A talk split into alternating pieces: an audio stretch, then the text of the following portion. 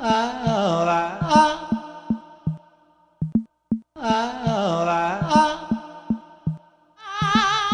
welkom allemaal bij de nieuwe aflevering van de Wereld van Morgen podcast. Uh, vandaag zit ik niet alleen met Lorenzo, uh, maar met nog iemand. Ja, klopt Nick. Welkom ook. Ja, jij ook. en vandaag hebben we een speciale gast, omdat we het gaan hebben over big data. En vandaag zit Jan Kroon bij ons aan tafel. Goedemorgen. Goedemorgen. En nou, nu kunnen wij wel inleiden nou ja, wie er aan tafel zit, maar het is ook misschien goed om te vragen. Jan Kroon, stel je even voor als het kan. Ja, ik ben Jan Kroon. Ik ben uh, hoofddocent informatica aan de Hogeschool Rotterdam. Uh, wij leiden dus uh, informatici op. En ja, vroeger heette dat computer science informatica, maar tegenwoordig heb je een nieuw vak, dat heet data science. Omdat eigenlijk zo langzamerhand de data interessanter wordt dan de computer.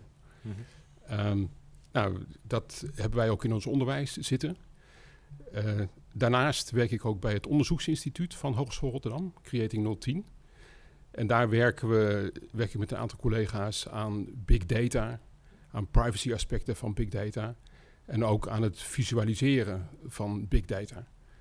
Het is namelijk, er is zoveel, er zijn zoveel gegevens dat als je dat niet op een hele eenvoudige manier presenteert, dan zien mensen door de bomen het bos niet meer. En dat is een heel leuk onderzoeksonderwerp om te kijken hoe je dat dan het best kan doen, zodat mensen inzicht krijgen als ze naar die gegevens kijken. Oké, dus, uh, en sowieso, wat, uh, kijk, buiten, die, uh, buiten het onderzoek, wat is misschien ook een leuke vraag van wat, ja, wat jouw um, geschiedenis is, om het zo maar te zeggen. In het verleden, dat weet ik dan toevallig, een hele, hele, hele hoop gedaan. Want wat, is, wat is je eigen achtergrond wat betreft opleiding en werk? Voor het Hogeschool Rotterdam? ja. ja, ik heb ik heb ooit wiskunde en natuurkunde gestudeerd. -hmm. En later ben ik gepromoveerd in informatica in Zwitserland. -hmm. uh, toen werkte ik nog in telecommunicatie. Ik ben mijn carrière begonnen bij KPN Research. Dat was nog in de tijd dat internet nog nauwelijks bekend was. Een paar collega's van mij die hebben nog een tour gedaan door KPN om mensen van KPN uit te leggen wat internet was en hoe dat werkte. Ja. Zo, zo, oud ben ik al. We hebben toen ook meegewerkt aan het bedenken van GSM. De mobiele telefonie bestond ook nog niet. Maar dat, daar, ja, daar, hebben we ook veel werk aan gedaan. En later ben ik terechtgekomen bij ja, New Business. Ik heb veel nieuwe initiatieven voor KPN opgezet. Ik heb in de directie van Planet Internet gezeten als technisch directeur. In de tijd dat we met World Online aan het concurreren waren om de markt te veroveren. Ik heb later KPN Hotspots opgezet voor KPN. Samen met Boris Veldhuizen van Zanten en Koen Kam van HubHop, wat we toen uh, vrij snel overgenomen hebben. De Next Web doet hij nu toch, uh, Boris? Ja, Boris ja. doet de Next Web. Ja, ja. klopt. Ja. Die is nog steeds ja, een hele leuke vent, maar een hele geïnteresseerd in what's next. Mm -hmm. en daarom is het ook wel een goede naam, de Next Web. ja, precies. Heeft. Ja. Daarna heb ik ook business development gedaan op het gebied van RFID en sensoren. Dus dat, dat gaat al een beetje richting big data. Dat je veel mm -hmm. meer gegevens verzamelt dan dat je vroeger had. Um, en sinds een jaar of vijf heb ik ook een eigen bedrijf. Ik dacht toen van ja, als ik voor KPN een nieuwe business kan starten, waarom zou ik dat niet voor mezelf doen? Dus ik heb nu eigenlijk een combinatie van dat ik deels werk voor mijn eigen bedrijf. Uh, daar maak ik medische apps, waar we ook veel data van patiënten verzamelen. En deels werk ik als uh, een soort professor bij uh, Hogeschool Rotterdam. Als een uh, onder, docent-onderzoeker. Een heerlijke combinatie. Ja. Nou ja, begrijpelijk. leuk. leuk om te horen. nou, we gaan het natuurlijk hebben over big data. En daar hebben we denk ik de perfecte persoon voor aan tafel zitten. maar we willen eerst eens even een, een introductie. Wat is big data nou? Waarvoor is het zo'n big deal ook? Ja, als je om uit te leggen wat big data is, wordt vaak verwezen naar de vier V's. En nou, dat zal ik ook maar even doen, want dat, is, dat werkt. De eerste V is volume. En volume betekent gewoon dat er heel veel is. Er is zoveel data dat zeg maar, traditionele manieren van data verwerken, dat werkt niet meer. Het past niet meer in een database waar we vroeger data in stopten. Daar is het gewoon te veel voor. de tweede V is de V van variety het zijn ook heel veel soorten data. Wat je vroeger in een database stopte, dat was vaak gestructureerde data. Dat waren tabelletjes. Hè. Mhm. Iedereen die Excel gebruikt, kent dat wel, eh, van hoe die data eruit ziet. Maar tegenwoordig heb je natuurlijk ook, ja, jullie podcast is ook data. Alleen dat past niet in een tabelletje. Ja. En foto's zijn data, Mhm. eh, Facebook-posts zijn data, tweets zijn data, je eh, rendata van je ren-app zijn data. Er is, zijn enorm veel soorten data. Dat is de tweede V van variety. De derde V is de V van velocity. En dat is snelheid. Dus het wordt ook steeds belangrijker dat die data snel verwerkt is. Dat kun je je heel goed voorstellen als je, eh, ja, stel je voor je bent op de, een site van Amazon.com en je koopt al of niet een film of een boek. Eh, dan heeft Amazon maar een, ja, een fractie van een seconde om te kijken hoe ze jouw gedrag kunnen beïnvloeden. Dus ze kunnen wel alle data, alle klikdata van jou gebruiken, alle historische data, jou vergelijken met andere mensen die op Amazon.com zitten. Maar als ze niet binnen enkele tienden van een seconde met een goede recommendation komen, dan zijn ze jou kwijt. Want dan ben je alweer wat anders aan het doen. Dus dat is ook eh, erg belangrijk bij Big Data, dat je heel snel tot besluiten kan komen. En actie, denk ik. En actie, ja, Ja. precies. Heel, ja, inderdaad, inzicht, besluit, actie. En die actie moet dan hopelijk opleveren eh, ja, eh, wat jouw doel is. En de laatste, dat is niet de onbelangrijkste, is veracity. Eh, dat betekent van, ja, klopt het wel? Is het wel waar, die data? Ehm, en daar moet je altijd een beetje vraagtekens bij zetten. Dat in de oude wereld, als je databases had, dan werd er pas een nieuw record aangemaakt als je echt zeker wist hè, wat de woonplaats, adres, telefoonnummer van iemand was. Tegenwoordig scrape je van alles, van allerlei sites, je haalt dingen uit allerlei social media. En ja, dan is het de vraag of het waar is wat je daar voor data uithaalt. Dus het gaat om die betrouwbaarheid dan. Ja, het gaat erom, nou, waar het om gaat is dat je ook met data werkt als ze niet betrouwbaar zijn. Maar dat is toch informatie, alleen je weet niet zeker of het klopt. Eh, dat is ook het interessante volgens mij wat Google doet. Je, kun, je kunt bij Google aangeven dat je bijvoorbeeld mannen of vrouwen wil targeten. En Google zegt te weten door de data te vergelijken, eh, door volgens mij tot een zekerheid van 90%, ik moet het artikel even opzoeken, maar dat je kan zeker weten of het een man of een vrouw is. Aan de hand van zoek, eh, zoekopdrachten. van zoektermen. Ja, Ja. en dat is best wel interessant, want ja, dat, ja 90% is toch 10% foutmarge, maar we gaan er wel mee akkoord. Dus dat is, er zit ook een betrouwbaarheid in. En ze geven ook aan dat die niet 100% is. Maar toch, eh nou, ja, de zin van wanneer je data commercialiseert, waar we straks ook op terugkomen, eh, zien we dat eh, instanties daar wel waarheid van aannemen. En dat ze daar dus ook daadwerkelijk mee aan de slag gaan. En die aanname van Google dat iemand een vrouw is, omdat, die, omdat zij dan in dit geval wellicht bepaalde hoeken ingaat qua zoekopdrachten, dat wordt ook gewoon daadwerkelijk gebruikt. Ja, Dus dat is ook interessant om te zien. En eh, wat ik ook wel interessant vind aan big data is dat, eh, nou, dat, dat is volgens mij het tweede aspect hè, van big data. Dus dat is die metadata, die is de data achter de data volgens mij, als Ja. ik het goed zeg. Want een tweet is natuurlijk veel meer dan alleen, eh, dan alleen het, het, het, het gesproken of het, het berichtje dat in de tweet staat. Het heeft een afzender, die afzender heeft een profiel. Die tweet heeft een GPS-locatie, heeft een tijdstempel, heeft wellicht zelfs een linkje erin zitten. Een hashtag kan geclusterd worden met andere tweets. Maar hij heeft ook een hele geschiedenis aan tweets van die persoon. Dus als jij eh, aan de hand van big data iemand zijn politieke voorkeur bijvoorbeeld zou willen opstellen, dan zou je, nou, als- als je Twitter dan als, eh, als medium gebruikt, dan zou je dus al die tweets kunnen analyseren op basis van, eh, ja, op basis van een aantal kenmerken. En dan zou je daar wat mee kunnen doen. Hoe gevaarlijk dat dan ook is, in het zin van betrouwbaarheid wellicht. Nou, het biedt. De, de- ja, het- dit is een mooi voorbeeld van wat er zou kunnen. En Mhm. Ja, is dat nou goed of is dat nou slecht? Dat hangt er vanaf hoe je het gebruikt. Hè?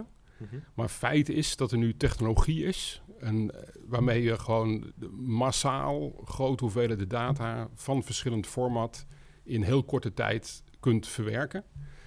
En je kunt zelfs rekening houden met hoe, nou, hoe betrouwbaar is die data. En in die zin lijkt het dus allemaal meer op statistiek dan op wiskunde, zeg maar. Je weet niet Mhm. zeker, het is niet 0 of 1. Het is veel meer ja, 95% of 98% eh, zekerheid. Mhm. Maar goed, heel veel dingen doen we natuurlijk op die manier. Heel veel onderzoek is gebaseerd op steekproeven en op waarschijnlijkheden, betrouwbaarheidsintervallen. Dus in die zin is het meer dan goed genoeg om een hoop eh, zaken mee te doen. Ja, je ziet ook dat, eh, nou, eh, om een mooi voorbeeld te noemen, uh, wellicht is het goed dat jij, jij die even aangeeft, Lorenzo. Dat is van de, in Japan het initiatief van de burgers over, over aardbevingen.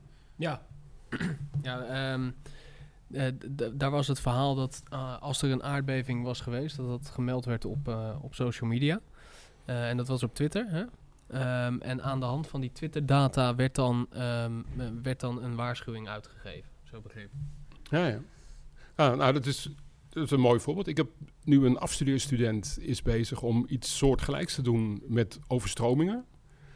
Daar is een uh, uh, Tweets, noemen ze dat. Ja. Dus een internationaal bedrijf is daar bezig om, als er ergens een overstroming is, om dan aan de hand van de, de Twitter-streams van mensen in dat gebied heel nauwkeurig in kaart te brengen hoe hoog het water staat, hoe snel het water stijgt, uh, welke wegen nog begaanbaar zijn en welke niet meer.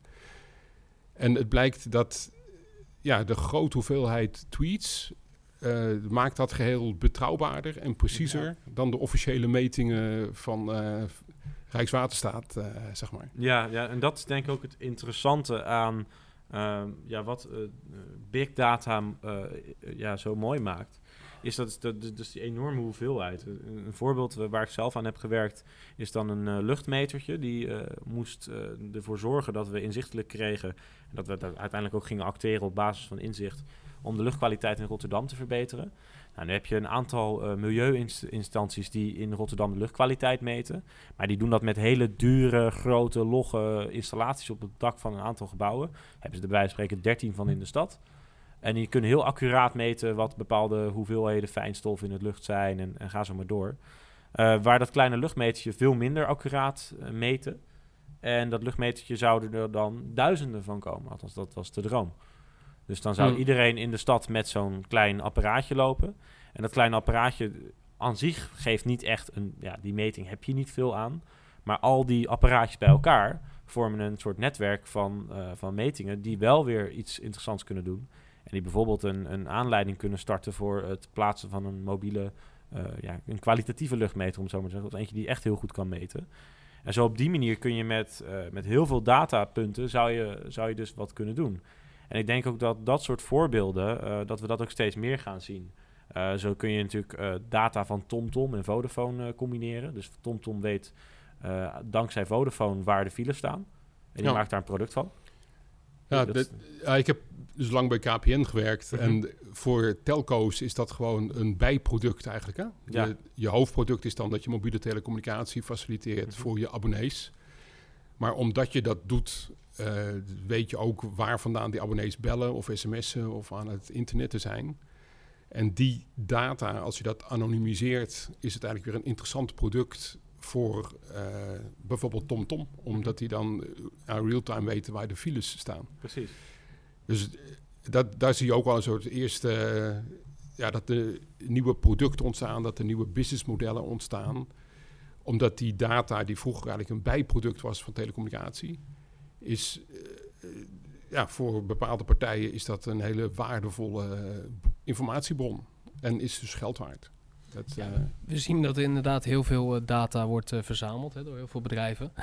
Um, alleen, ik heb het idee dat ze heel erg aan het stoeien zijn wat ze met al die data moeten doen. Hoe, hoe ze dat kunnen, um, hoe ze dat um, ja, werkbaar kunnen maken voor hun. Of dat ze daar uh, iets uit zouden kunnen halen. Ja, nou, dan heb jij het meer over de gevestigde orde. Nee hoor, nee, nee. Kijk, er, zijn, er wordt steeds meer data verzameld. Bijvoorbeeld, uh, nou, bijvoorbeeld door verzekeraars. Uh, wat kunnen die verzekeraars met, met die data laten? Ja, wat mogen ze ermee? Dat is wat mogen ze ermee? Bij verzekeraars zeker interessant, ja. Ja. Nou, het is, bij verzekeraars is het zeker interessant. Want eigenlijk het idee van verzekeren is dat je risico deelt, hè? En naarmate je meer data hebt van individuele polishouders, kun je eigenlijk steeds individueler iemand uh, een contract aanbieden. Waardoor je eigenlijk het idee van verzekeren een beetje achter je laat. Want uh, ja, op een gegeven moment verzeker je eigenlijk alleen jezelf in plaats van een groep mensen die iets kan overkomen. Um, maar goed, de, ja, big data levert mogelijk inzichten op. En die inzichten kunnen leiden tot uh, ja, andere verdienmodellen, andere marketing, andere commerciële modellen, uh, nieuwe producten. En ik denk dat we daar dus ook eh, de komende jaren gaan zien dat een aantal traditionele bedrijven eh, ja, gaan verdwijnen. En dingen als banken is natuurlijk eigenlijk heel raar. Dat, wat doen banken nou? Hè? Dat is eigenlijk toch gewoon een computer die je saldo bijhoudt. Dat zouden we zelf Ja. kunnen maken eh, van het weekend. Maar er zijn wel hele grote torens langs de Amsterdamse Zuidas... waar allemaal heel duur betaalde mensen iets zitten te doen... wat blijkbaar van mijn, eh, de winst op mijn geld betaald wordt... waar ik niet om gevraagd heb. Dus ja, ik denk dat we daar wel wat disrupties eh, krijgen. Dat als er partijen inspringen die gewoon een eenvoudiger betaalsysteem maken. Mhm. Nou, er zijn er wat start-ups in Nederland die dat aan het doen zijn. Hè? Precies, ja. Eh, ja, waarom zou je daar niet bij bankieren in plaats van bij zo'n zo'n grote bank met veel te veel mensen in dienst die veel te veel verdienen? Ja, die dan ook nog eens wordt gered door je eigen belastingcenten. maar eh, wat, wat denk ik ook interessant is, als je ziet wat, eh, wat ik zelf een mooi voorbeeld ook vind. Om het mij even in voorbeelden te houden, hè, Lorenz, dat het een beetje behapbaar eh, houden, is dat je ziet, ook, je ziet ook producten ontstaan aan de hand van data. Zo zie je dat, dat er onderzoeksbureau, onderzoeksbureaus zijn die nu aan de hand van het, het Internet of Things netwerk, dus het mobiele netwerk daarvoor, het LoRaWAN-netwerk, Ja. dus nu ja, een soort klinknagels in de grond aan het slaan zijn. Om te kunnen zien welke parkeerplekken be- bezet zijn op straat. Maar dat kan natuurlijk ook in een parkeergarage zijn. Ja. Dus dan kun je een, een product aanbieden straks. Dus stel Park Mobile, eh, de parkeerapp. Die kan bijvoorbeeld zeggen, nou ja, je kan nu parkeren in de stad. Jij gaat daar naartoe, want dat zie ik in je agenda. Of dat heb je net ingevoerd, of dat, dat, daar ben je nu aan, naar aan het kijken. Ehm, maar daar kun je nu niet parkeren, want daar is alles vol. Dus je hoeft ook niet te kijken. Nou, dan ontlast je natuurlijk enorm veel autoverkeer van zoekende auto's naar parkeerplekjes. Ja, dat zou een hele mooie eh, applicatie zijn. Of dat Q-Park zegt van ja, weet je, normaal parkeer je op straat, maar nu staat de straat vol, dus kom naar ons toe en je krijgt een gepersonaliseerde aanbieding om kennis te maken met het fenomeen parkeergarage. Ja. Eh, dat is dan met een kleine knipoog, want die kennen we natuurlijk wel. Maar dat zijn wel voorbeelden, denk ik, waarmee data ook daadwerkelijk de stad een stuk slimmer kan maken. En ja, dat is, niet, eh, dat is natuurlijk een groep. want dan heb hebben we het over smart cities. Ja, ik heb er wel een vraag, vraag over. Eh, Jan, in hoeverre ehm, mag die data gebruikt worden? En wat, wat zijn daar de eh, restricties in? Of komen daar restricties voor? Nou, wat, er is natuurlijk privacywetgeving. Dus in principe mag je data gebruiken. Er, is zelfs, eh, er zijn initiatieven als Open Government Data. Hè? En Rotterdam heeft ook open data. En eh, ja, sommige steden doen daar, doen dat, zijn daar heel erg genereus in. Bijvoorbeeld Londen heeft ook open data. En dan kun je gewoon zien welke metro's vertrokken zijn, welke metro's waar zijn, welke stoplichten op groen staan. Mhm. Dus overheden vinden dan van nou wij doen werk voor de gemeenschap. Dus de gemeenschap mag weten wat wij weten. Eh, dat is een hele mooie ontwikkeling. Ehm, ook bij de NS is dat een beetje het geval. Hè? Dat vroeger maakte de NS een reisapp. Tegenwoordig levert de NS reisinformatie en kan elke ondernemer kan een betere reisapp proberen te maken. Nou, dat, daar zit wel een kanttekening in. Dat is wel grappig dat je het zegt, want het verhaal ken ik toevallig. Ik ben de naam van de jongen even kwijt. Maar toen de iPhone opkwam, kwam er een app die heette Treintijden. En er was, eh, NS had zelf toen nog geen app, want die, ja, die waren wat later daarmee. En die jongen had dus eh gereverse engineerd, had hij de API-sleutel van NS gevonden, waar zij hun treintijden vandaan halen, van de server. Maar die waren niet legaal, nou ja, legaal, waren niet eh, officieel uitgegeven als in de zin van hier ontwikkelaars, doe er wat mee. Dus hij had via een soort omweg had hij die data gepakt en had hij er zelf een appje van gemaakt van een euro geloof ik of 79 cent. En die had gretig aftrek. Maar de NS schrok ineens, want die, had, die, waren zelf al nou, heel lang met een app bezig. Die waren gewoon wat later. En die schrokken enorm van, oh jee, wat moeten we hier nou mee? Want dit is eigenlijk nu al, hebben we al enorm concurrentie voor de app die we nog niet eens hebben uitgebracht. Ja. En die waren daar echt niet blij mee. En die hebben toen ook, die hebben toen ook letterlijk die jongen eh, gesommeerd van... ja, je mag niet meer onze data gebruiken. Toen is Ja. daar heel veel media-aandacht voor geweest. Toen is die app uiteindelijk van NS ook uitgekomen. Die, nou, ik denk dat iedereen die inmiddels wel flink, dat die wel flink gebruik kent. Eh, en ik denk dat die ook succesvol is. Maar het is wel interessant, want nu zijn ze daar heel erg in omgedraaid. Ik denk dat dat ook een verandering is geweest. Dat we, eh, dat is dan niet zozeer big data, maar dat we wel het, het, het- dat we tegen ontwikkelaars steeds meer zeggen: Oké, wij maken een product. Als jij dat beter kan, doe dat dan maar Ja. bij dat soort instanties hoor. Dat, eh, dus bij, ja, bij, bij, bij, bij, bij eh, ja, OV en dergelijke. Dan zie je dat toch wel op een of andere manier ontstaan. Dat vind ik best interessant. Waar eerst heel veel angst was en dat mensen zich terugtrokken van ja, weet je, moet ik dit wel willen? Weet je, moet ik het wel willen dat er een student een app maakt op basis van mijn data die heel veel mensen gaan gebruiken? Wat als die niet werkt, dan hebben ze een slechte NS-ervaring of slechte treinervaring. Uh, nou, die hadden ze waarschijnlijk sowieso al. Dus dat, nee. Maar, uh, de, de, maar de, de, het kan zo zijn dat dat... Ja, ik kan me voorstellen dat je daar als organisatie wel een beetje angstig van wordt. Ja. Ah, het is zo dat grote bedrijven houden natuurlijk van monopolies. Want dat is makkelijk geld verdienen. Mm -hmm. En nou, in veel gevallen is dat niet goed voor de economie, is niet goed voor de innovatie. Het is veel beter als je concurrentie hebt en competitie. Uh, en in veel gevallen kan dat ook, want die, wat ik net zei, als het overheidsdata is, dan is die eigenlijk van ons allemaal. Het wordt natuurlijk gevoelig als die data aan een persoon gebonden kan worden. als je, je mag best weten wanneer uh, lijn uh, eh, 24 vertrokken is, maar als je weet dat jij in die bus zit, dan wordt het misschien gevaarlijk. Als je weet dat, dat de Israëlische ambassadeur in die bus zit, dan wordt het misschien nog gevaarlijker.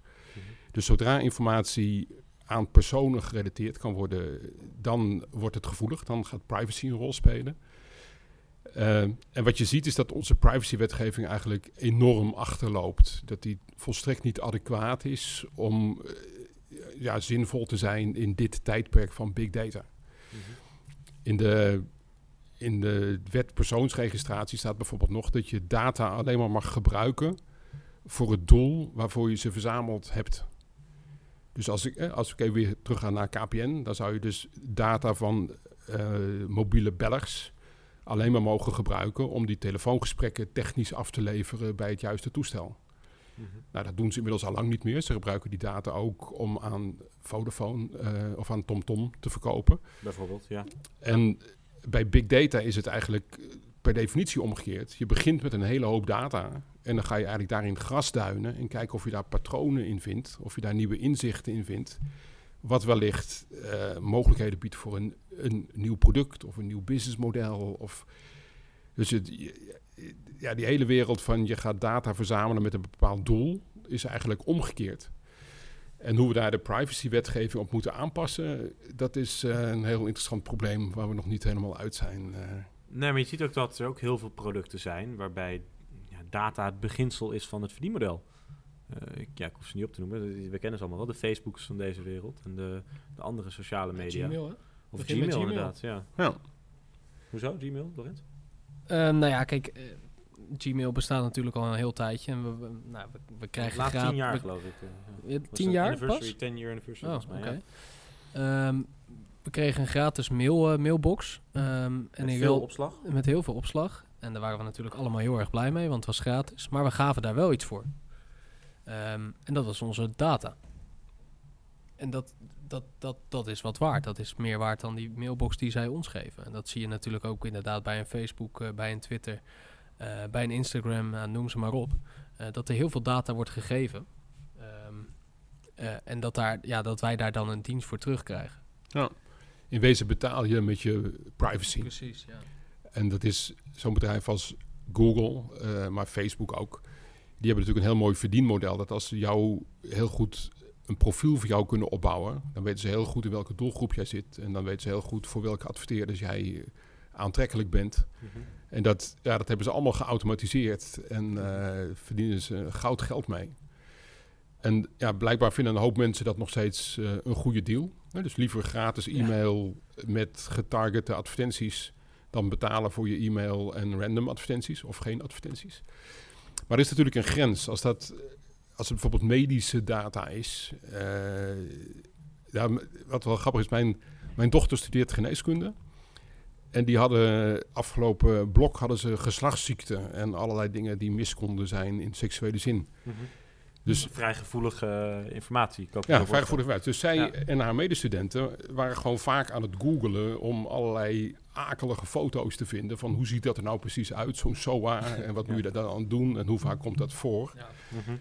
En op een gegeven moment kregen ze gewoon ook op een gewone Facebookpagina kregen ze allerlei advertenties voor uh, klinieken om kuren te doen om van je seksuele ziektes af te komen. Ja. Dus haar profiel is nu op de een of andere manier vervuild met het feit dat ze wellicht een SOA gehad heeft. Terwijl ze een arts in opleiding is die dat bestudeerd heeft. Ja. ja. Dus Ja, ja, dat- krijg je daar last van of niet? Ja, dat is de V van eh, betrouwbaarheid. Ja, Ja, dat is die. V van Veracity. Ja, Ja. Veracity, ja, ja. ja, dat is wel interessant. Maar ik denk ook dat... eh, er zijn ook voorbeelden. Hè? Ik, er is een, verhaal, een bekende verhaal van Target hè, in Amerika. Waarbij een... eh, dat is een mooi verhaal. Ja, dat is een heel mooi verhaal. Dat is een, een vrouw die deed haar de boodschappen met een klantenkaart. Dus de bonuskaart, zoals bij Albert Heijn een beetje Mhm. eh, die constructie. En op een gegeven moment kwam er een kaartje... van 15. Dat wil erbij zeggen. Ja, was die 15? Ja, ze was Ja? 15, ja. Oké. Of heb je nou. een ander verhaal? Nee, nee, nee, dat weet ik niet. Ik, ik dat zo ver... eh, Oké. Nou, ze was jong. Ze was eh, Ze was, ze was jong. het meisje. En papa kreeg ineens een kaartje van eh, gefeliciteerd met de zwangerschap. Ja. Omdat Target had kunnen analyseren in haar koopgedrag... voordat ze de zwangerschapstest had gedaan... dat ze al zwanger was. Ja, dat hadden ze voorspe- zij, eh, voorspeld de hand en het klopte ook echt. Omdat ze augurken koopt of slagroom. of, ja, eh, weet ik het. Ja, producten die kennelijk worden gekocht door vrouwen in een, in een vroeg stadium van, eh, van zwangerschap. ja. Ja, het is natuurlijk wel heel pijnlijk dat eh, ja, Target eerder weet dat je zwanger bent dan jij. Dat zou wel datzelfde als dat Albert Heijn ineens eh, mij een, een overlijdenskaartje zou sturen, bijvoorbeeld van ja, sorry, maar je gaat het echt niet lang meer uithouden. Ja, toen zoveel sigaretten gekocht. Ja, dat, eh, bijvoorbeeld, inderdaad. En dat Achmea dat ook weet en zegt, nou, wij geven het ook maar op. Dus, Ja. eh, ja. maar dat zijn wel, denk ik, ehm, ja, dat zijn hele interessante ontwikkelingen waarbij... Nou, wat je zegt, Achmea weet het ook. Eh, wat als Nou we ja. straks... Nou ja, ik bedoel, als we gaan kijken naar de wereld van morgen... ehm, waarom betaal ik meer belastingcenten dan, dan iemand die ehm, heel ongezond leeft? En, ehm, en die aan zijn koopgedrag ook, te- ook te zien dat hij rookt, eh, slecht eet, eh, drinkt, noem maar op. En die betaalt hetzelfde eh, verzekeringsbedrag als ik. Kunnen, wij, kunnen we daar straks bijvoorbeeld ehm, eh, ja, aangepaste verzekeringspakketten aan gaan bieden aan dat soort mensen aan de hand van de data die verzameld is? Ja, nou, verzekeringsbedrijven zijn niet met gezondheid nog, maar wel bijvoorbeeld met autoverzekeringen. Zijn wel bezig met producten. In, eh, niet in Nederland nog, maar ik dacht wel in, in, in Engeland.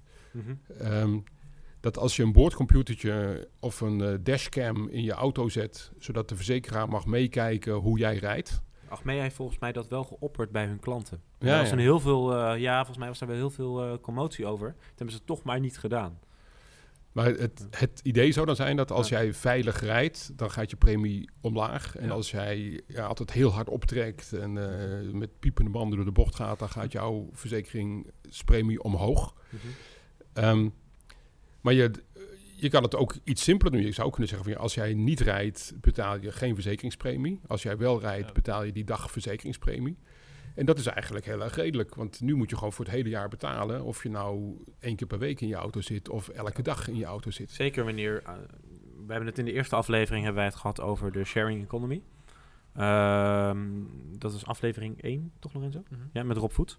Eh, maar als jij een auto niet meer in bezit hebt, maar hem alleen gebruikt... en dat doe je dan één keer per maand... ja, dan is het helemaal gek huis natuurlijk als je, als je heel, Als je- veel, eh, heel veel verzekeringsgeld moet betalen... voor iets wat je maar één keer per x-periode gebruikt. Eh, en daarbij zien we ook dat eh, ja, dat, dat soort... Ja, ik bedoel, een, een reisverzekering... die kan je, je... Een doorlopende reisverzekering is eigenlijk ook iets heel raars. Weet je, als je, als je daar naar kijkt. Dus je, en het is ook gewoon prima Ja. te, met technologie tegenwoordig prima te onderleggen... van wanneer je ergens bent. Je hebt digitale vormen van, eh, van tickets en eh, ga zo maar door. Dus je Ja. ziet ook denk ik dat er meer tailor-made oplossingen komen. Ja, die data is, is kennis. Ja, maar die is, kennis is macht. ja, ja, maar in de zorg, buiten dat, maar in de, zorg, in de zorgsector is dat gewoon heel gevoelig. En dat kan gewoon, eh, ja, volgens de wet mag dat gewoon nog niet. Ik mag jou niet straffen nog, in Nog dit niet? geval. maar dat, dat kan wel veranderen. Maar stel dat ik een, eh, stel hè, mijn, eh, nou, ik zal niet, maar een, een vrouwelijke eh, variant van mij, die, kan, die bestaat niet. Nee, een, een vrouw in Nederland die doet een, ehm, eh, en mijn zus. Nee, een, ehm, eh, een vrouw doet een zwangerschap of een, of een borstkankertest. Dat schijnt dus, dat is een echt, dat schijnt dus een echt, een echt voorbeeld te zijn. Want dat schijnt, dat schijnt dus genetisch overdraagbaar te zijn. Dus jouw kinderen hebben een grotere kans op die, op die uitkomst dan, dan jij. En mijn, mijn, mijn vriendin doet bijvoorbeeld morgen die test. En het blijkt dat ze dat niet heeft. Of het, dat- prima. Stel het blijkt dat ze het wel heeft. Dan is de kans dat haar dochter dat heeft dus op een bepaalde manier erg groot. En zeker als je een soort stamboom gaat krijgen van die data, dus over twee, drie generaties. Dan, kun, dan kan iemand dus heel makkelijk uitrekenen of dat gen aanwezig is. Ja. Dus als ik iemand wil aannemen en ik weet dat dat gen er is, en die data is beschikbaar kennelijk, dan kun je zeggen van ja, nou ja, we gaan deze persoon niet of wel aannemen op Ja, basis het, daarvan. Het, het gebeurt al in, eh, in, in hele kleine zin. Als ik, eh, als ik solliciteer, dan wordt er als eerst gekeken naar je Facebookpagina. Als daar allerlei feestende eh, foto's op staan. Mhm. Nou, dat is al gebeurd. Dan heeft een, een, een werkgever zoiets van, nou, eh, we gaan even naar de volgende sollicitant. Dus het gebeurt al op hele kleine eh, Mhm. schaal en onschuldige schaal. Ehm, maar het gebeurt al wel. Ja. En Wat daar natuurlijk, wat daar het punt in is, is dat normaal gesproken eh, vergeten mensen dat. Hè? Dan is het een jeugdzonde of zo. Of dan heb je je wilde tijd gehad en dan ben je nu een serieuze medewerker geworden. En dat is ook dan niet, niet meer vindbaar.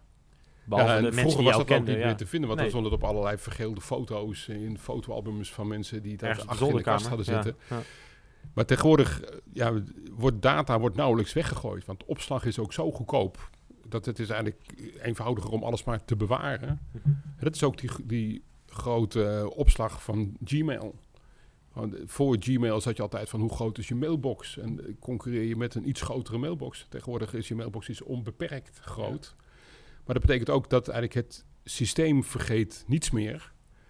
Terwijl eigenlijk mensen die hebben toch wel het recht om af en toe dat hun jeugdzonders vergeven worden of zo. Ja, het recht van vergeten, hè? is, een- is- is een van de wetten die ook ingevoerd zijn. Dus als jij een Google-resultaat eh, hebt, die op, als jij, stel je zoekt op, op Nick Kiran en je vindt een, een resultaat die eigenlijk niet meer representatief is voor mij, dat het, ik daar gewoon merkbaar last van heb, dan is er een Europese wetgeving dat ik bij Google een verzoek kan doen en dat heet het recht van vergeten, geloof ik. is deze Ja. week volgens mij... eh, Nee, dat was er al hoor. Ja, maar het kan maar dus dat deze week wat is deze veranderd. Week, eh, deze week is er verandering in gekomen. Ja, ik, ik, ik heb daar deze week, ja, deze week, we, zitten, we, we nemen dit op op, eh, op 15 april. Ehm, deze week is daar eh, verandering in gekomen dat eh, elk mens het recht moet hebben om bepaalde eh, zoek, zoek ehm, ja, resultaten te kunnen laten verwijderen door Google. Want dat, kon voorheen, dat ging voorheen heel erg lastig. Ja, moet een verzoek worden ingediend. Maar, maar wat ik ook interessant vind hè, met dat soort data, en om het even terug te pakken op big data. Ik denk dat, ehm, eh, dat het op een gegeven moment ook gewoon aan de ene kant heel erg kan helpen. We hebben straks heel veel data. Maar stel dat we die data gaan combineren, dan kan het ook heel erg bedreigend werken. Het is net zo groot. De, een zijn wapen is, een ander zijn, eh, zijn tool. Of andersom. Eh, maar wat gebeurt er straks als als Albert Heijn, die heeft heel veel data, ko- koopgedragdata met de persoonlijke bonuskaart. Ehm nou ja, Achmea heeft straks heel veel data over, of die heeft straks, nou niet heel veel data, die wil heel veel data, laat ik het zo zeggen. En straks is de wetgeving zo, ja, dan kom je weer op dat hekele punt waar we het net over hadden. Eh, dat we dat we op een punt zitten waarbij, eh, waarbij die data ook bedreigend kan worden. En ik vraag me dus af, hè, dus stel dat er, eh, dat is misschien een, een, goede vraag, wanneer, een, wanneer bedrijven samen willen werken om datasets te combineren, dus doordat ze dus nieuwe inzichten kunnen zien, dus nieuwe data-inzichten, of dat dan ook maar zomaar moet kunnen en of we dat moeten willen als zowel bedrijf als, als, als, als eindpartij. Ja, nou, dat, is, een- dat is een goede vraag en het antwoord erop is niet zo eenvoudig. Eh, het, je ziet nu wel dat veel bedrijven die interessante data verzamelen, die beschouwen dat ook als eh, bedrijfsgeheimen. Die beschouwen dat als iets wat ze niet zo 1, 2, 3, maar met een ander delen. Maar het is ook zo, als je data deelt, ben je het kwijt. Hè? Het is niet zo dat je... eh, Stel je voor dat jullie een eh, e-mailing willen doen naar alle studenten in Rotterdam... en ik geef jullie de e-mailadressen van alle studenten van Hogeschool Rotterdam. Dan vanaf dat moment ben ik ze kwijt en ik ben niet meer in controle of jullie die doorverkopen of wat jullie daarmee aan het doen zijn. Eh, dus als ik niet wil dat jullie dat hebben, die gegevens, dan moet ik het anders doen. Dan moet ik zeggen van geef mij die e-mail maar, dan verstuur ik hem wel voor jullie. Zodat jullie niet die mailinglijst krijgen. Nou, zo zitten veel bedrijven erin. Die willen die data toch in eerste instantie voor zichzelf houden, want wie weet hoeveel het waard is. Dat weet je Eh, ook vaak nog niet. Nee. In heel veel... En dat hangt er ook heel erg van af, hè, met welke data je dat kunt verrijken, met welke data je dat kunt combineren. Dus wat bedrijven nu vaak doen, is dat ze hun eigen bedrijfsdata gebruiken.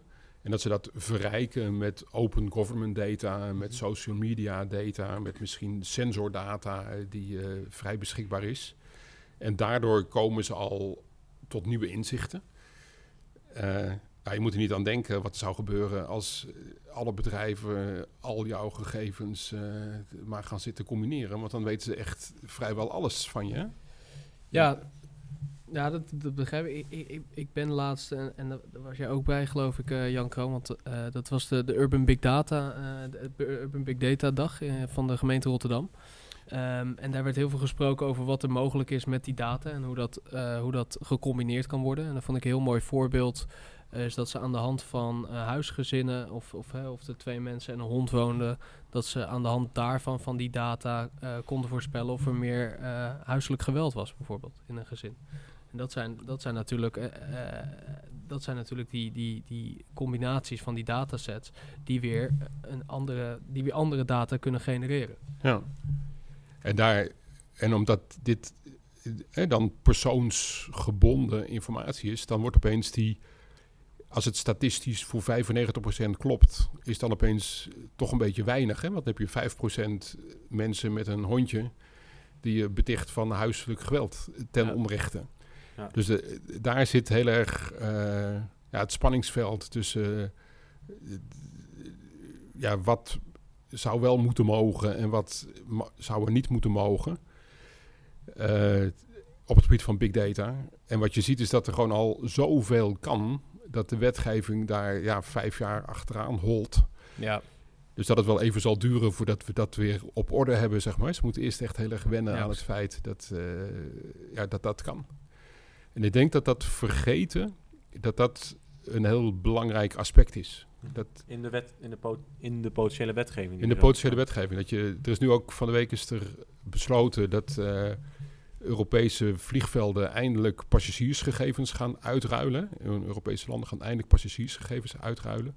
is dat een eh, reactie op?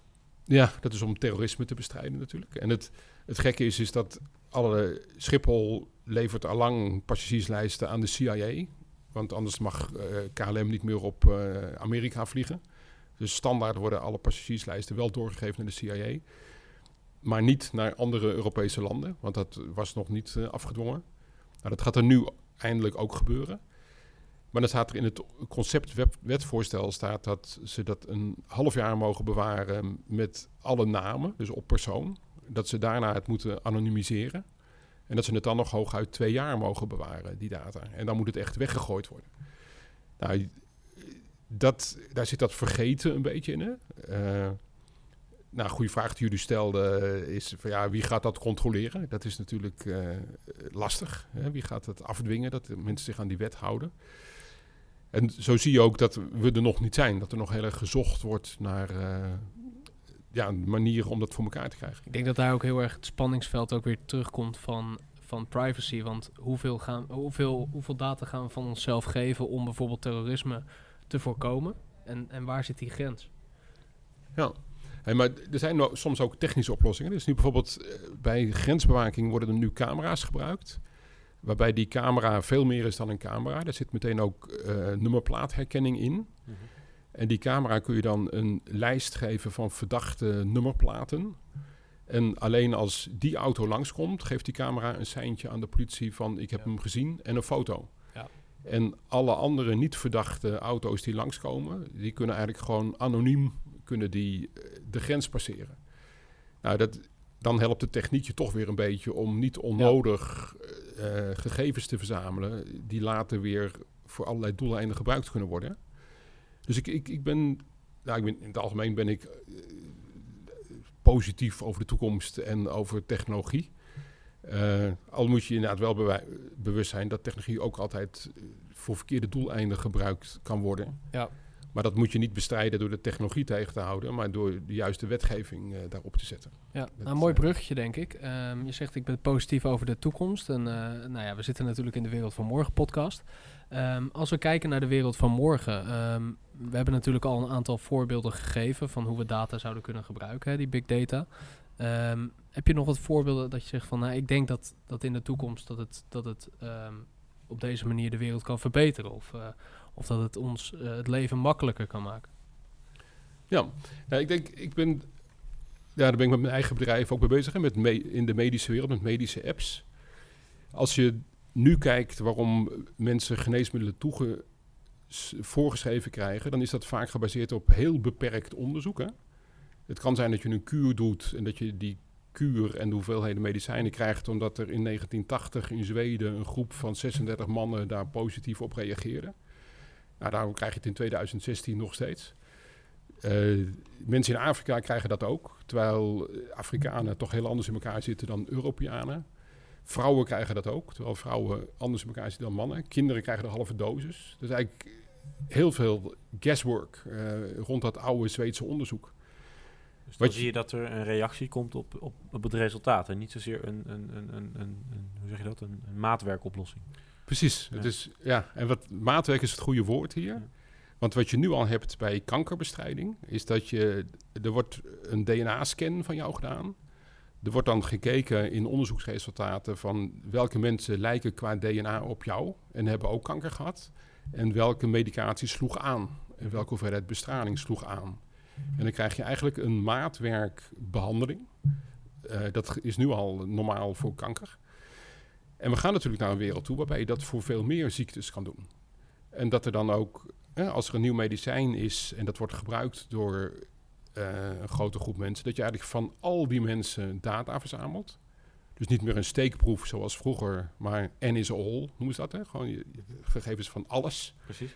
En uh, je zou A-B-tests kunnen doen, zoals uh, Google dat ook doet. Dat je de helft van de gebruikers wel en de andere helft van de gebruikers niet het nieuwe middel de, geeft. in de geneeskunde. Ja, waarom niet? Ja. Als je daardoor betrouwbare gegevens krijgt en beter uh, geneesmiddelen kunt voorschrijven, dan is dat denk ik voor de mensheid een heel groot goed. Mm -hmm. En ik denk dat we daar echt ja, een revolutie gaan zien. Dat gewoon de tijd dat iedereen hetzelfde pilletje krijgt, dat dat bijna voorbij is. En ook de tijd dat het heel lang duurde voordat een geneesmiddel eindelijk eens op de markt komt, dat dat ook gaat veranderen. Google zegt dat ook heel mooi, hè? Oh, ja. ja, ziekte is een, um, ja, is eigenlijk een... Uh, de dood. Ja, ja, de, ja, de, die, nou ja, ziekte vaak door de dood. Maar de dood is een... Uh, is een, um, um, een ziekte. Een ziekte, ja. ja. Het, het is een error. Dus ja, het, is, ja. het is te voorkomen. Maar uh, Apple doet het ook al met de Health Kit natuurlijk. Ja, Research Kit ook. Of de Research Kit. Ja. Waarin je eigenlijk als je, een, um, ja, als je een, zelf een ziekte hebt, bijvoorbeeld suikerziekte, dat je daar elke dag of elke week um, informatie naar verschaft. Apple verzamelt die. En aan de hand van die informatie kunnen ze weer andere mensen helpen met nou, dezelfde nou, nou, nou, een belangrijk detail. Apple verzamelt die, biedt een framework en levert die aan een ziekenhuis. Ja, ja, ja. ja. ja dus niet Apple die zit niet in je... Uh, laten we wel Apple zit niet aan jouw health data, maar dan die data gaat dus naar jouw arts. Ja. Maar daar en zie je kun je ook dus al apps, dat... En zij bieden dus een framework. Dan kun jij als Jan Kroon zijn, zeg maar, of als Lorenzo zijn, of als ik zijn, dan kan een app maken die dat doet. En aan de hand van Apple's ja, technologische tool, dus al, dankzij Apple's tool, kan ik dat dan weer aanleveren bij een, uh, een medische instantie. Dus eigenlijk een soort hulpmiddel in het Ja. maken van medische apps. Is het. Ja. Ja, dat is een heel mooi voorbeeld dat die technologie die al die verschrikkelijke dingen mogelijk maakt, maakt het ook mogelijk om het op een goede manier te doen. Hè? Mhm. En nou, bij Apple is dat, Apple zet daar ook op in. Als Apple dan niet een gratis operating system weggeeft, zoals eh, Google doet met Android, maar je gewoon laat betalen voor elke telefoon, dan kun je er ook vertrouwen in hebben dat zij misschien geen rare dingen gaan doen met jouw data, want ze hebben een verdienmodel. Dat, Eh, dat zeggen ze nu ook. Hè? Dat doen ze nu ook heel erg met die FBI-zaak. Zie je dat ze heel erg stelling nemen in, eh, in, in privacy. Dus heel erg pro-privacy. Dat we nog wel wat... ze, ze, ze claimen nog privacy te kunnen bieden op een iPhone. Ja. Nou, dat is, ja, dat is toch het. Dat zijn gewoon hele lastige maatschappelijke discussies van hoeveel, Ja. hoeveel privacy mag een terrorist hebben, bijvoorbeeld. Hè? Dat, dat, Mhm. Ja, daar, daar- dat is een interessante discussie. Mhm. En je wil natuurlijk niet dat terroristen anoniem eh, vliegtuigen kunnen blijven opblazen. Nee, maar ik vind- actuele. Ja, een hele actuele. Maar ik vind buiten... Kijk, terrorisme, dat is vaak een, voor heel veel mensen een no-brainer. Maar ik zag laatst zag ik een filmpje van eh, een jongen van een jaar of 18, 19. Dus nog vrij jong. Weet je, volgens de wet volwassen. Maar ja, weet je, wanneer ben je volwassen? Ik bedoel, ik ben 23 en ik vind mezelf soms niet eens volwassen. Dus eh, wat dat betreft, Mm. ik eh, kan mezelf niet eh, glashard in de spiegel aankijken... en elke dag zeggen van, ja, dat was heel volwassen wat je allemaal vandaag hebt gedaan. Nou, moet je laten staan als je 18 bent en je bent misschien nog wat jonger van, van geest. Niet zozeer dan wat ik ben, maar gewoon dan de gemiddelde. En die jongen had, een, had volgens mij een juwelier overvallen of had, of had in ieder geval iets gedaan wat niet mocht. En die hebben ze dus met, met, met volledig op, op, in beeld op YouTube gezet, op Facebook gezet. Is op opsporing verzocht gekomen, die jongen. Maar ja, dat is dus ook het punt. Als die jongen, stel die jongen, die, uiteraard zal die zijn straf krijgen, et cetera. Maar daar is een gepaste straf voor. Maar dan ga je dus de discussie krijgen, wanneer houdt die gepaste straf op? En wordt de straf die hij heeft gekregen door ja, eigenlijk landelijk aan de schandpaal te hebben ge- gestaan? Ja. Ja, dat is de nasleep. eh. Ja, maar dan kan je, heel veel mensen hoor ik dan vaak zeggen, en dat vind ik best wel een apart statement. Ja, dat is terecht, had hij het maar niet moeten doen. Ja. Maar ja, is dat wel, dan denk ik nee, dat is niet terecht. Want, wa- want als hij niet in deze tijd had geleefd, maar wij spreken tien jaar geleden, dan had hij een veel mindere straf gehad. Dan had hij alleen maar de, de juridische straf gehad. Zeg maar. Precies, jouw punt is, eh, stel hij krijgt daar een, eh, een celstraf voor, voor van drie maanden. Is dat Dan zou dat de straf moeten zijn. Precies, dat je vroeger er drie maanden uit zat, maar dit, dit blijft nog 30 jaar op internet staan. Ja, is zijn hele leven. Of zijn hele leven, ja. Ja, en dat is, dat is niet goed, hè? Dat is, we wonen in een we leven in een rechtsstaat. Daar moeten we heel blij mee zijn. Dat betekent dat je het straffen overlaat aan rechters. En we leven niet in een staat waar volksgericht is. Dat gewoon iedereen maar kan bepalen of iemand stokslagen verdient of gestenigd moet worden. Of inderdaad de rest van zijn leven aan de schandpaal genageld Precies, dat opportunisme moeten we inderdaad voorkomen, denk ik. Eh, maar eh, misschien niet de, de juiste woordkeuze. Maar. Maar dat, is, eh, maar dat is natuurlijk best het feit. Hè, iedereen met een mobiele telefoon en YouTube en Facebook kan dat wel. Hè? Ja, Dus in die zin in is 4K. het. Ja. Ja. Ja. ja, dat is, maar dat is het interessante. En ik denk ook dat we daar, dat dat ook een mooi, ja, kijk, een nieuwe wetgeving kunnen wij niet hier gaan bedenken met z'n drieën. Dat moeten we ook niet willen. Maar ik denk dat we wel een nuance kunnen aanbrengen. Aan de ene kant zeggen we van, nou ja, we begonnen, het is een beetje, het loopt achter. Het is, het is nog niet klaar voor nu. Maar aan de andere kant zien we ook dat er eh, heel veel eh, ja, maartjes aan, die, eh, aan de beoogde oplossing zitten. Want ik denk dat, dat dit voorbeeld van die jongen die die, die, die, die roof heeft gedaan... dat vind ik een, een, een meer dan terecht voorbeeld om, om nog eens goed na te denken over, over privacy en over data daarin. Ja. ja, de andere kant. Dit is een, inderdaad een mooi voorbeeld waarbij je te ver kunt gaan met het, met het inbreuk op de privacy van iemand.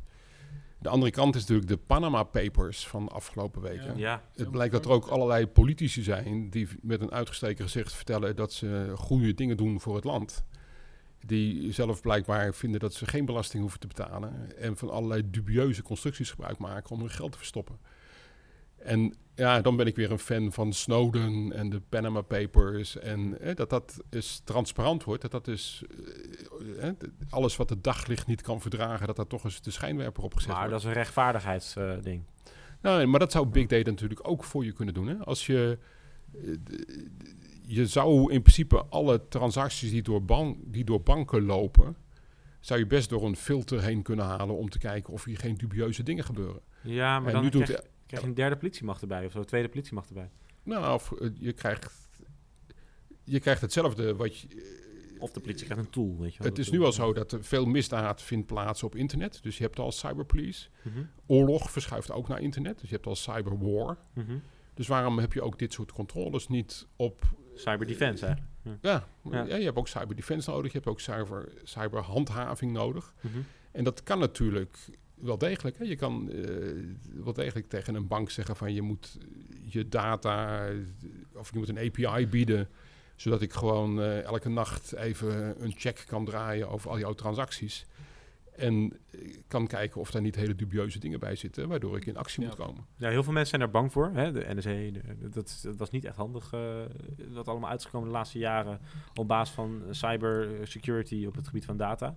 Eh, maar het is ook onze podcast en dat wij ook wel een mening hierin eh, mogen geven. Ik denk dat dat namelijk, en ik ben ook benieuwd wat, eh, wat jij ervan vindt, Lorenzo. Want ja, Jan, het is duidelijk dat, we dat, dat we daar wat mee kunnen.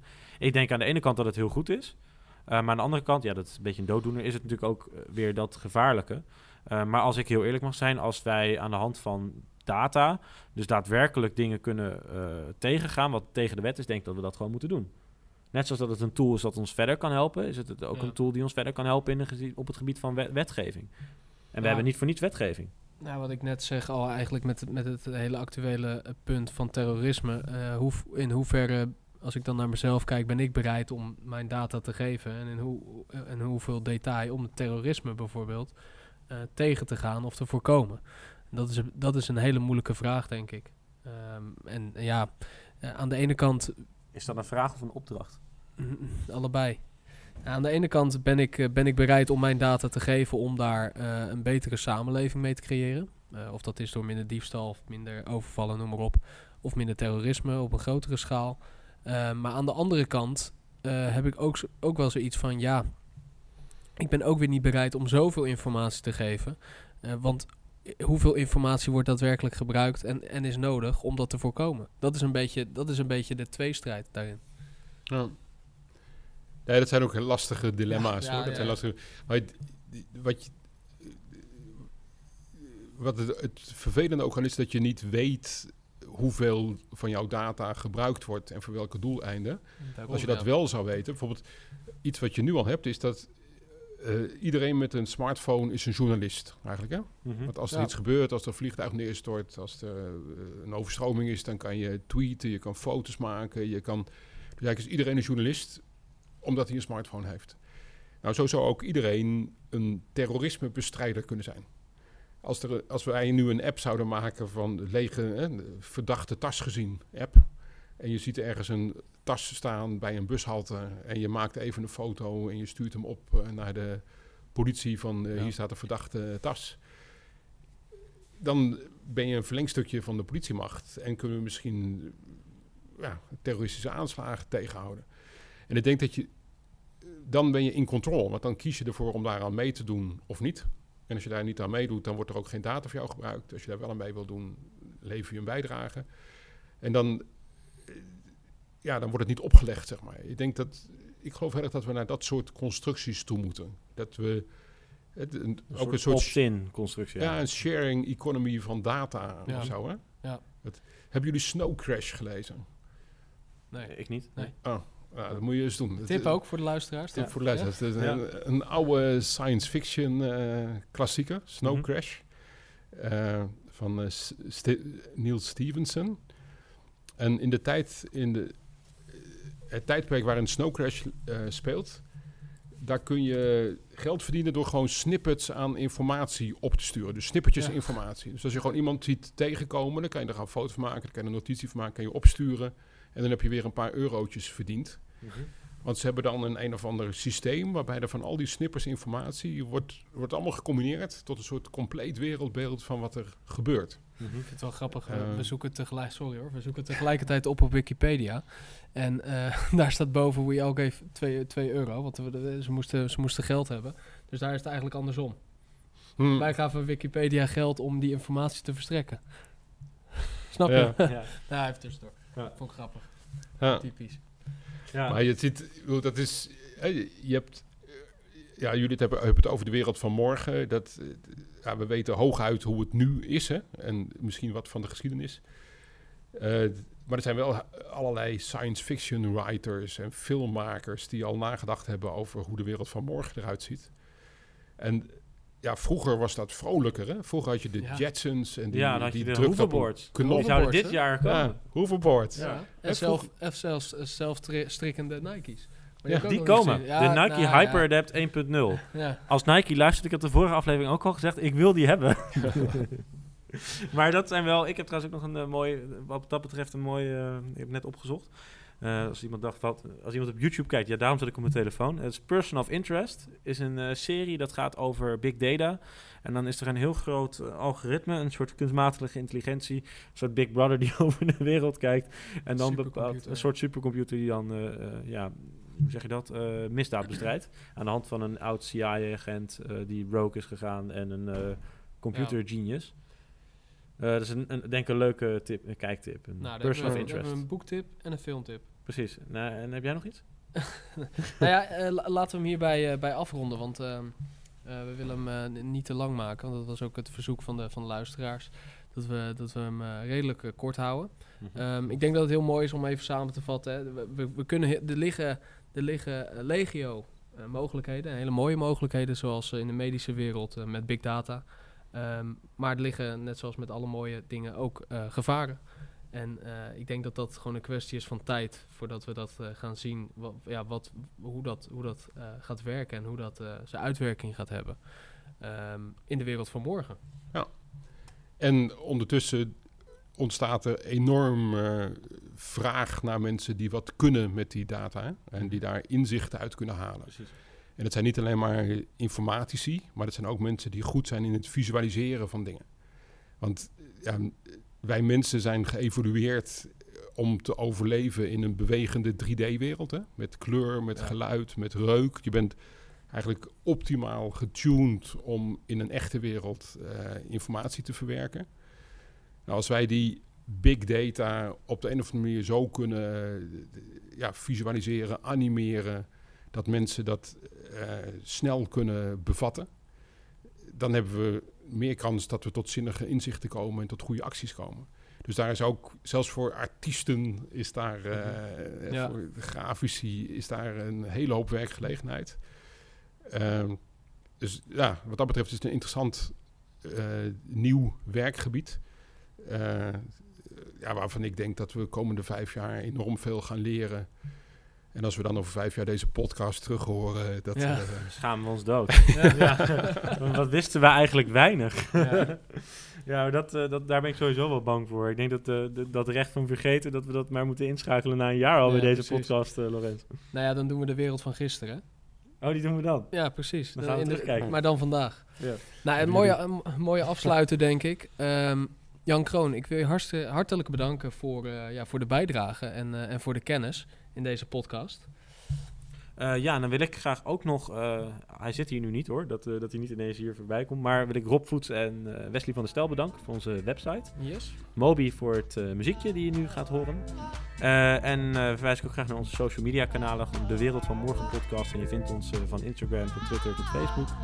En alles bij elkaar vind je op www.wereldvanmorgenpodcast.nl Zeker.